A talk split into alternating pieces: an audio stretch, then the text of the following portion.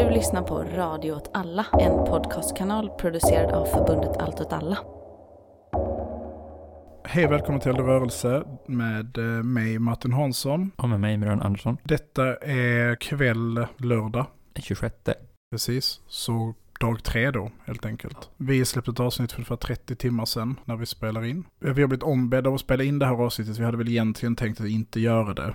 Men eh, vi har fått så mycket kärlek idag så att vi tänker att vi kanske får ta och göra det. Sammanfatta lite den senaste utvecklingen och gissa lite om den framtida utvecklingen. Precis, det känns väl bra att det känns som att folk tycker det har varit eh, något bra att lyssna på det vi har gjort förut och att man har funderingar och sånt som vi kanske kan hjälpa till och gissa om då på något sätt liksom, är ju det vi gör. Mm. Det här avsnittet laddas upp i natt någon gång med största sannolikhet. Så du som lyssnar hör det nog. På morgonen, ja. På söndag morgon siktar vi på att det är ute i alla fall. Så eh, ja, ha det betänkande när du lyssnar. Jag tänker att vi kan göra en lite bredare beskrivning av hur vi uppfattar händelseutvecklingen. Mm. Och jag tänker att om vi tar vårt avstamp i gårdagens rent militära utveckling um, så kretsar det mycket av den runt uh, de inbrytningar som hade skett i Kievs förorter. Um, och det handlar väl framförallt om den nordöstra och den nordvästra delen av, av eh, Kiev. Där man eh, såg eh, återigen då lätt infanteri som eh, hamnade liksom i gatustrider på något sätt med eh, ukrainska försvarsmakten. Läget däromkring är ju att eh, Antopovs flygplats tycks ha fallit under gårdagen. Helt i, i ryska händer. Och framryckningarna vid eh, den södra fronten, alltså Krimfronten, så har den tryckt både nordväst och nordöst. Och det har ju också fortsatt under idag. Melitopol, som ligger eh, nordöst om landbryggan från Krim, har eh, under dagen, verkar det som, och delvis då under natten, fallit till Ryssland. Ehm, det sägs ju också varit en av de fronterna som Assov stred på. Uh, och det har gjorts ganska stor propagandagrej av det från liksom ryskt håll. Jag skulle säga att det finns ett par saker att vara observanta på i konflikten, hur den har utvecklat sig. Första jag skulle säga är att Ryssland fortsätter att successivt och systematiskt ta mark från Ukraina. Uh, deras offensiver har liksom inte avstannat uh, på något sätt. Må hända att de har blivit långsammare. Den andra saken är att ukrainskt luftvärn fortfarande verkar vara aktivt. Um, inte i någon större skala, men uppenbart på den nivån att ryskt flyg fortfarande inte riktigt verkar ha börjat verka. Uh, vilket ju är förvånande, verkligen, uh, efter snart, uh, efter tre dagar av stridigheter. det är längre tid och jag hade trott att eh, det skulle ta för Ryssland att uppnå eh, total luftkontroll. Det kommer ju hela tiden uppgifter om att också luftvärn har skjutit ner olika ryska plan och så, men då får man säga att det är svårt att veta vad som är gissningar eller propaganda i det liksom och vad som faktiskt har skett. Vissa flygplan har man ju då eh, filmat eller tagit foten på vrakdelarna från och så, och då kan man ju ändå på något sätt säga att det här antagligen har hänt. Men annars är det ju väldigt svårt att säga på en video att någonting brann i luften och sen så vad det var och när det är inspelat eller någonting liksom är, är svårt. Och det var ju eh, några påståenden om eh, att två sådana jättestora ryska transportplan hade skjutits ner igår.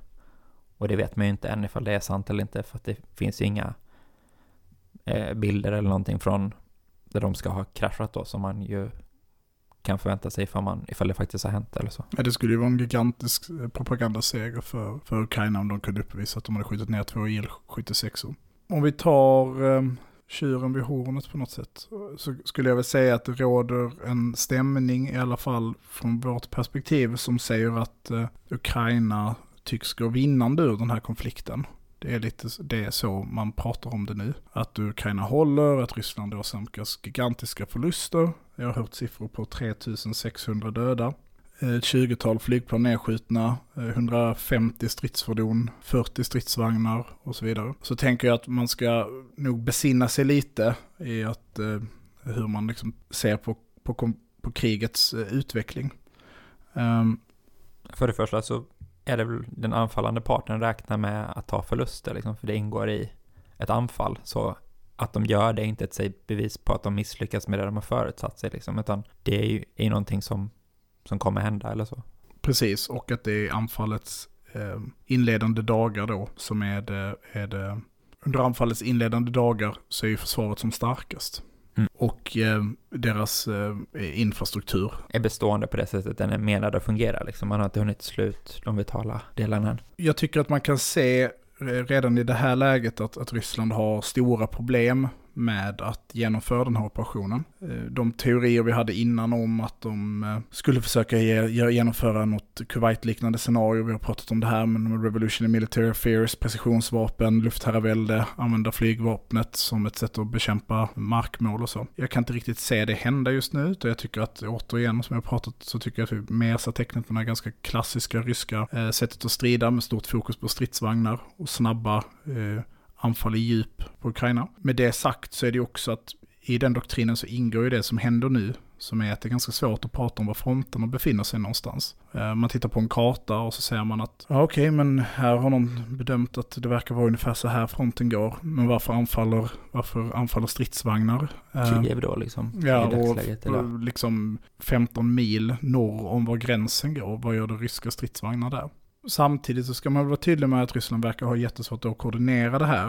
Eh, det är många klipp och bilder som ändå är rätt. Även om de ofta saknar eh, kroppar på de filmerna ska man säga att det oftast ser ut som endast utslagna fordon. Så kanske att man har övergivit fordonen på grund av mekaniska fel eller att man har slut på bränsle eller någonting gäller att man har flytt för att man har vetat att angreppet kommer. Ja. Att angreppet har skett. Det första angreppet missar och så vet man att det kommer ett till och så vidare. Men där ser man ju de här Roskvardias och den typen av national, nationalgarders trupper kanske är det bästa sättet att beskriva dem på. Alltså det är ju hemvärn, ett dumt ord att använda. Men eh, inte några liksom eh, offensiva trupper, trupper på det sättet. Man ser dem oftast för att de transporteras i lastbilar eh, och inte i stridsfordon. Och de verkar ju ha, om jag får säga, flera kolonner av, av den typen av fordon som varit utskjutna. Det gäller ju båda sidor ska sägas, men, men Ja, ska vi säga det också generellt det här med båda sidor, att en sak som bidrar till att göra det svårt att bedöma vilken sida som har tagit olika förluster är att de har liknande fordon för att de det bygger på en gammal sovjetisk liksom, eh, militärindustri båda, för båda länderna. Så att man ser vissa fordon så är inte det ett bevis på vilken sida som har tagit förlusten. Liksom. Nej, precis som man inte då ser de här och de går ju riktigt till efterhand också, ska sägas, med Z, Vena och Iona och så vidare, ja. som verkar vara de frontmarkörerna är väl den rådande teorin att det är det de eh, gör då. Det är också tydligt att Ukraina är väldigt duktiga på att hålla tillbaka bilder på eget förlorat krigsmateriel och på eh, på sårade eller döda. De verkar ju mycket mer ha sin befolkning med sig på ett sätt än Ryssland har. Mm. Så därför vet man att man ska inte filma det som den här, alltså i Sverige har man där en svensk tiger om liksom i en krigssituation så ska man inte dela uppgifter om liksom ens egna truppers rörelser eller ja, någonting som har hänt egentligen. Och, och det verkar ju som alla som vi har sett alla rapporter i Ryssland, liksom där folk har, alla uppgifter från Ryssland där folk har filmat saker och så är ju tecken på att man inte håller på det. Ifall det då inte är någon jättesmart strategi där man vill att det ska läcka ut för att skrämmas eller någonting.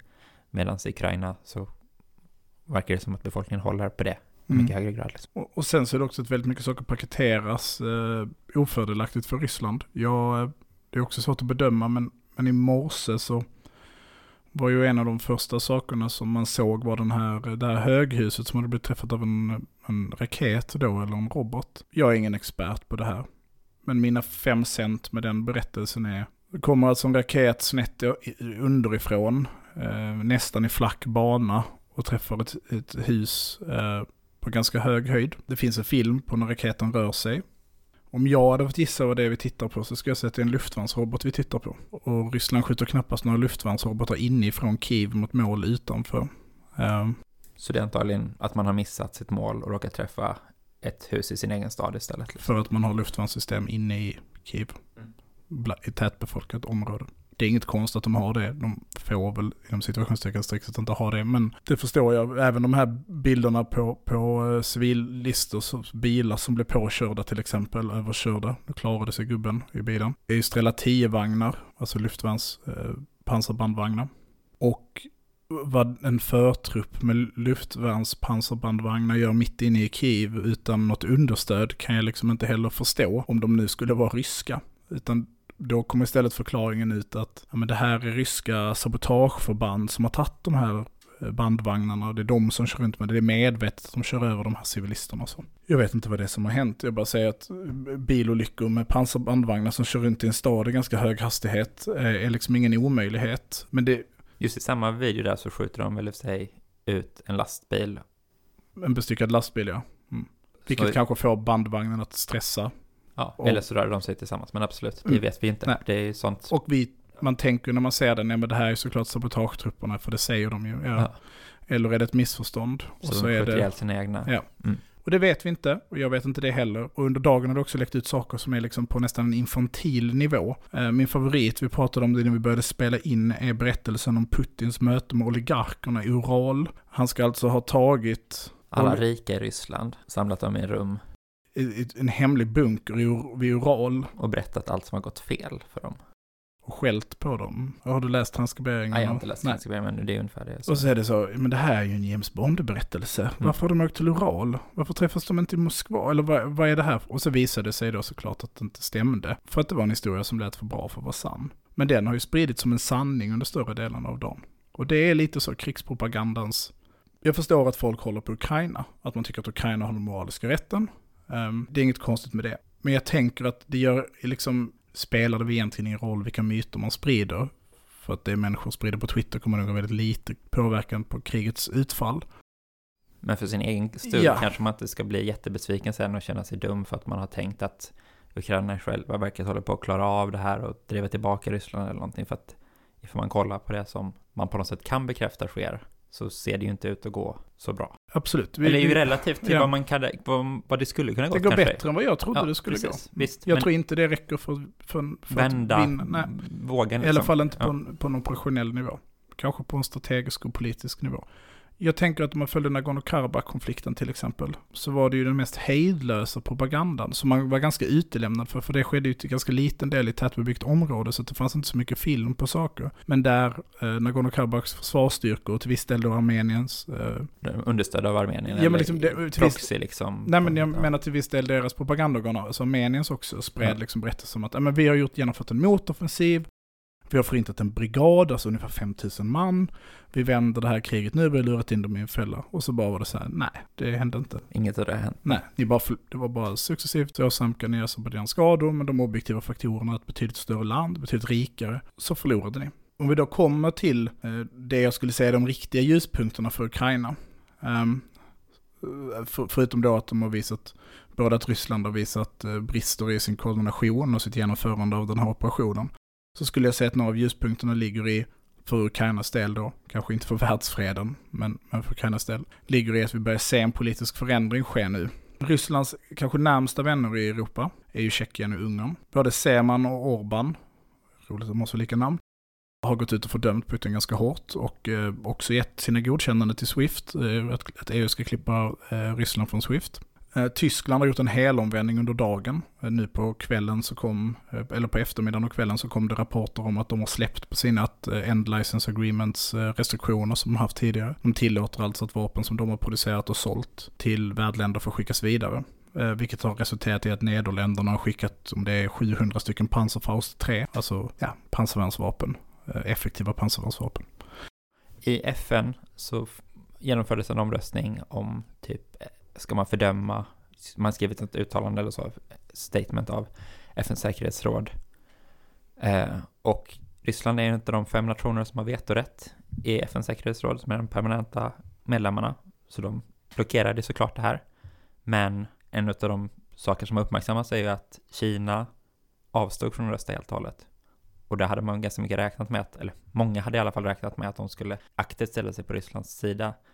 Och inget annat land gjorde ju det heller där. Så där var det liksom Ryssland stod ensamt liksom. Mm. Och det är ju också något sorts tecken kanske i tiden att, att de har inte något tydligt stöd för det här någonstans internationellt.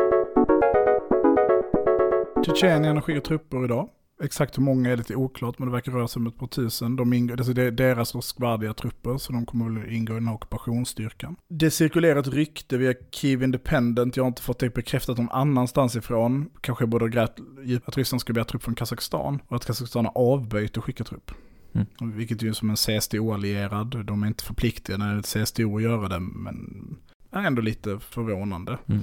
Frankrike stoppade ett eh, ryskt fartyg, Engelska kanalen, om jag förstod det rätt, med bilar. Okay. Som man ansåg ingick i liksom sanktionen på något sätt, att ja. de inte får röra sig fritt. Baltstaterna och Polen och ytterligare något land eh, har förbjudit ryska flygplan att gå in i deras luftrum, alltså civila passagerarplan. England har sagt att Ryssland inte får, eh, inga ryska flygbolag får flyga till England längre. Precis, och det, alla de här sakerna är på något sätt då någon sorts politisk press och internationell isolering och så. Och det skulle man väl kunna tänka sig är liksom något som kan påverka Ryssland. Jag, i, I ett kort perspektiv har jag också svårt att se hur något av det skulle liksom stoppa Ryssland effektivt. Vill Putin fortsätta driva det här kriget så är han ju inte av nöd tvungen att stoppa på grund av de här sakerna liksom. Nej, Däremot så är det ju att det kanske direkt påverkar Ukrainas stridsvilja och eh, fördröjer deras eh, tid till kapitulation. Absolut. Och med presidenten i Ukraina så kan man väl säga så, ja visst han är taggad och han lovar att han ska slåss till sista blodsdroppen och jag vill inte ha skjuts, jag vill ha ammunition och så vidare. Så, ja. Ni kommer ihåg hur Afghanistans president pratade innan han tog sitt pick och pack och hoppade på ett flygplan och stack därifrån med miljoner med dollar. Så det är också det... enda rimliga att göra fram tills den sekunden man bestämmer sig för att ge upp liksom, såklart. Ja, det är ju trist att göra det för tidigt. Ja. När vi vann. Mm, och stridsviljan i Ukraina som sagt bland civilbefolkningen verkar ju väldigt stor och nu med den allmänna mobiliseringen och så, så har man ju också börjat bara dela ut vapen till alla som vill vara med i motståndet. Och man har kommit med olika uppmaningar som att eh, man ska göra molotov cocktails och man ska gå ut och förstöra olika markeringar som Ryssland Spaningsförband har, har målat upp liksom för att visa väg för sina stridsvagnar. Man ska montera ner gatskyltar och sådana saker i hela landet så att det inte finns någonting som de kan matcha mot kartorna och sånt. Och det verkar liksom hörsammas. Och det är såklart svårt också att bedöma på social media, liksom som ens för viktigaste informationsinstrument här. Men som det verkar i alla fall finns det ju en stor uppslutning bakom allt det här. Och det är väl säkert jättepositivt för Ukrainas liksom försvarsförmåga. Men sen så kanske man också ska prata lite om, och vi fick en fråga till podden om det liksom som var så här, vad, hur är risken för att man råkar misstag skjuta på varandra ifall civilister har vapen och så? Ja, min, min bara spontana idé är att det är en risken hög och också bara att Ryssland verkar hittills någonstans ha försökt undvika att drabba civila. Vi ser, har sett ganska lite civila förluster ändå, i, eller att det har dödats ganska få civila ifall man ser på den officiella statistiken i alla fall. Och man kan tolka det som någon sorts återhållsamhet då. Och det finns ju liksom videos med människor som bara går ut och ställer sig i vägen för olika stridsfordon och sådana saker. Och de blir liksom inte dödade då, utan de försöker bara komma förbi dem och sånt liksom. Och det är ju såklart inte för att Putin har ett personligt stort ömmande om liksom civila Ukraina, eh, utan för att man inte vill göra det här för att det ser dåligt ut för hemmaopinionen, det ser dåligt ut för den internationella opinionen och det ser antagligen dåligt ut för de soldater som ska utföra det, att de vill ju inte. Nej. De har idén om att de ska befria människor i Ukraina från ett förtryck. Liksom. I bästa fall. Ja, jo, okej, okay, visst. Men, men alltså, det, Nej, men jag menar, ja. det, mm. det flesta tror väl inte så att det är det de gör. Ja, men i alla fall, oavsett vad man tänker och tror då kanske, så, så tar det antagligen på en att begå övergrepp mot civila liksom. Eller så. så ja, det, det... Alltså, om du inte är stridsmotiverad, vilket mm. man ju redan pratar mycket om, hur man nu vet det, mm.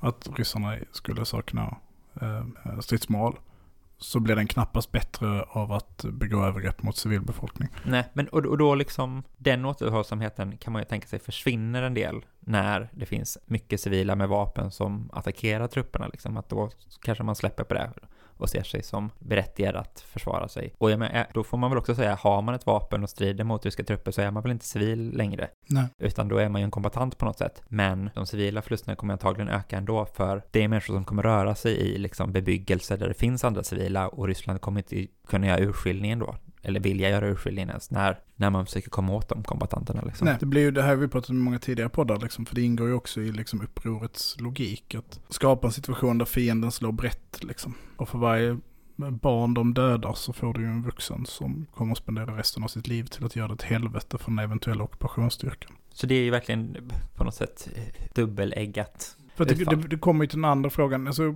Ryssland själva har ju sagt att de under fredagen var återhållsamma också i hur snabbt de ville utföra sina operationer på grund av att den här förhandlingsfrågan dök upp. Det kommunicerades ju. Pressekreteraren för Kreml som var ute och sa det. Ja, och, och att eh, från Ukrainas del så var det både rådgivare till presidenten och presidenten själv som var ute och sa att han kunde tänka sig att förhandla och så vidare. Och det pratades om att de skulle försöka hitta ett datum där de kunde förhandla och sådana saker. Men, mm. men tror inte du att det är ganska otroligt att Ryssland verkligen stoppade sin offensiv på grund av de diskussionerna? Jo. Utan det låter ju mer som någonting som man säger för att förklara de här motgångarna man haft. Att det var för att vi egentligen inte... Men sen så säger man ju, men nu kommer vi återuppta dem. Vilket ju Ja, och då kan det ju vara då till exempel att, till exempel att man, eh, man behövde ha trotsförband som tog sig i fatt eh, de här spjutspetsarna och de här första echelonerna, stridsvagnsechelonerna som man tog sig i fatt för att med bränsle och förnödenheter, ammunition och så vidare för kunna fortsätta och så säger man att okej okay, men nu pausar vi in lite här, fortsätt inte tryck framåt. För det finns ju en risk i det också, att det blir avskuren och så. Eh, döma av eh, de fordon vi ser utslagna så verkar ju eh, det ske en del eldöverfall. Och frågan är då om de kommer också från drönare. Till exempel ett de här Rosguardia kolonn utslaget, kanske tio lastbilar eller så. Eh, ganska långt borta ifrån vad man definierar som fronten. Vilket ju också då kanske innebär att de har saknat eh, advokat eh, luftvärn till exempel, som radarsystem som kunde upptäcka drönare.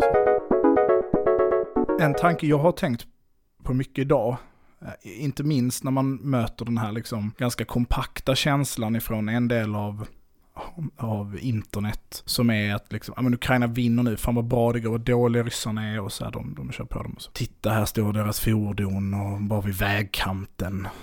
Okej, okay det berättar ingenting att det finns en film på ett fordon som står vid väg. Alltså, så, mm. Men låt säga att det går väldigt dåligt. Låt säga att eh, de, de största förlustsiffrorna, alltså 3500 döda ungefär, igår då, pratar man om det. Vilket är direkta fantasisiffror skulle jag säga. låt säga att det stämmer. Och låt säga att den här militära operationen faktiskt börjar nå en smärtgräns. Och inte det USA säger alltså att ungefär en tredjedel av de trupperna som de har eh, samlat vid gränsen som är aktiva inne i Ukraina nu. Så att de, det är en tredjedel av allt vi har sett. Vilket låter rimligt, eh, kanske hälften.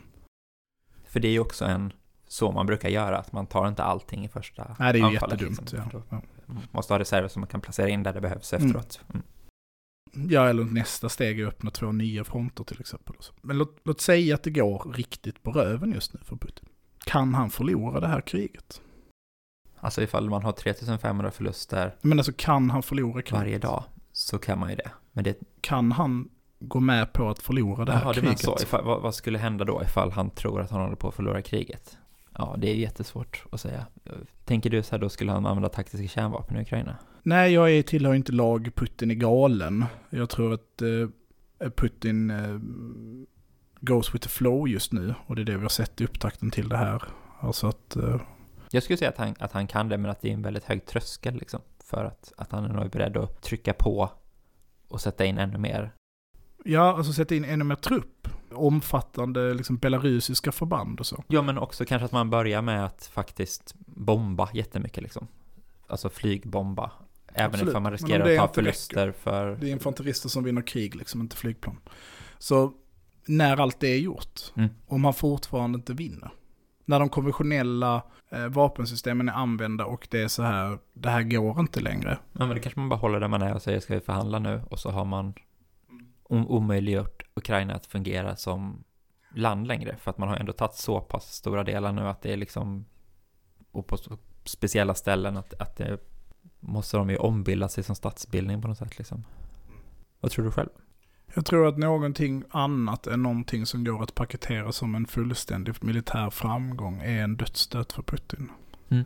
För att då blir frågan varför gjorde vi det här? Varför i helvete gjorde vi det här? Mm. Och nu är det också som att vi har hela poängen med det här baserat på den hypotesen vi har haft har ju varit att på något sätt visa att man är en supermakt. Ja, precis. Ryssland är mäktigt eller ja, vi låter oss inte krympas till mm. ingenting liksom. Vi har vår sfär som vi ska kontrollera i världen och så. Då kan man inte förlora ett krig mot Ukraina. Nej. Det, vilket jag inte tror att de gör. Men eh, det kan ju vara en... eh, Vi får se nu hur de här dagarna utspelar sig. Apropå kärnvapen då, tänker jag ändå, för det är ju någonting som jag tycker kommer upp till och från. Folk frågar, kommer det bli kärnvapenkrig? Och eh, det var ute någon film igår Mm. när eh, det sägs vara att Ryssland har kört runt Topolov, nej, vad heter Jo. de? Ja.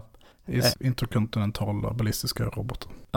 Som alltså är robotar som kan nå från en kontinent till en annan helt enkelt. Och de är ju gjorda för att bära kärnvapen liksom. Och de, så- de kör runt dem för att de ska börja liksom skjuta någonstans. Nej, det gör de ju antagligen inte, utan det fanns väl till och med en förklaring om att de har varit med på någon parad eller så. Men det kan ju också vara bara att de kör runt dem för att visa upp dem, för att skrämmas med.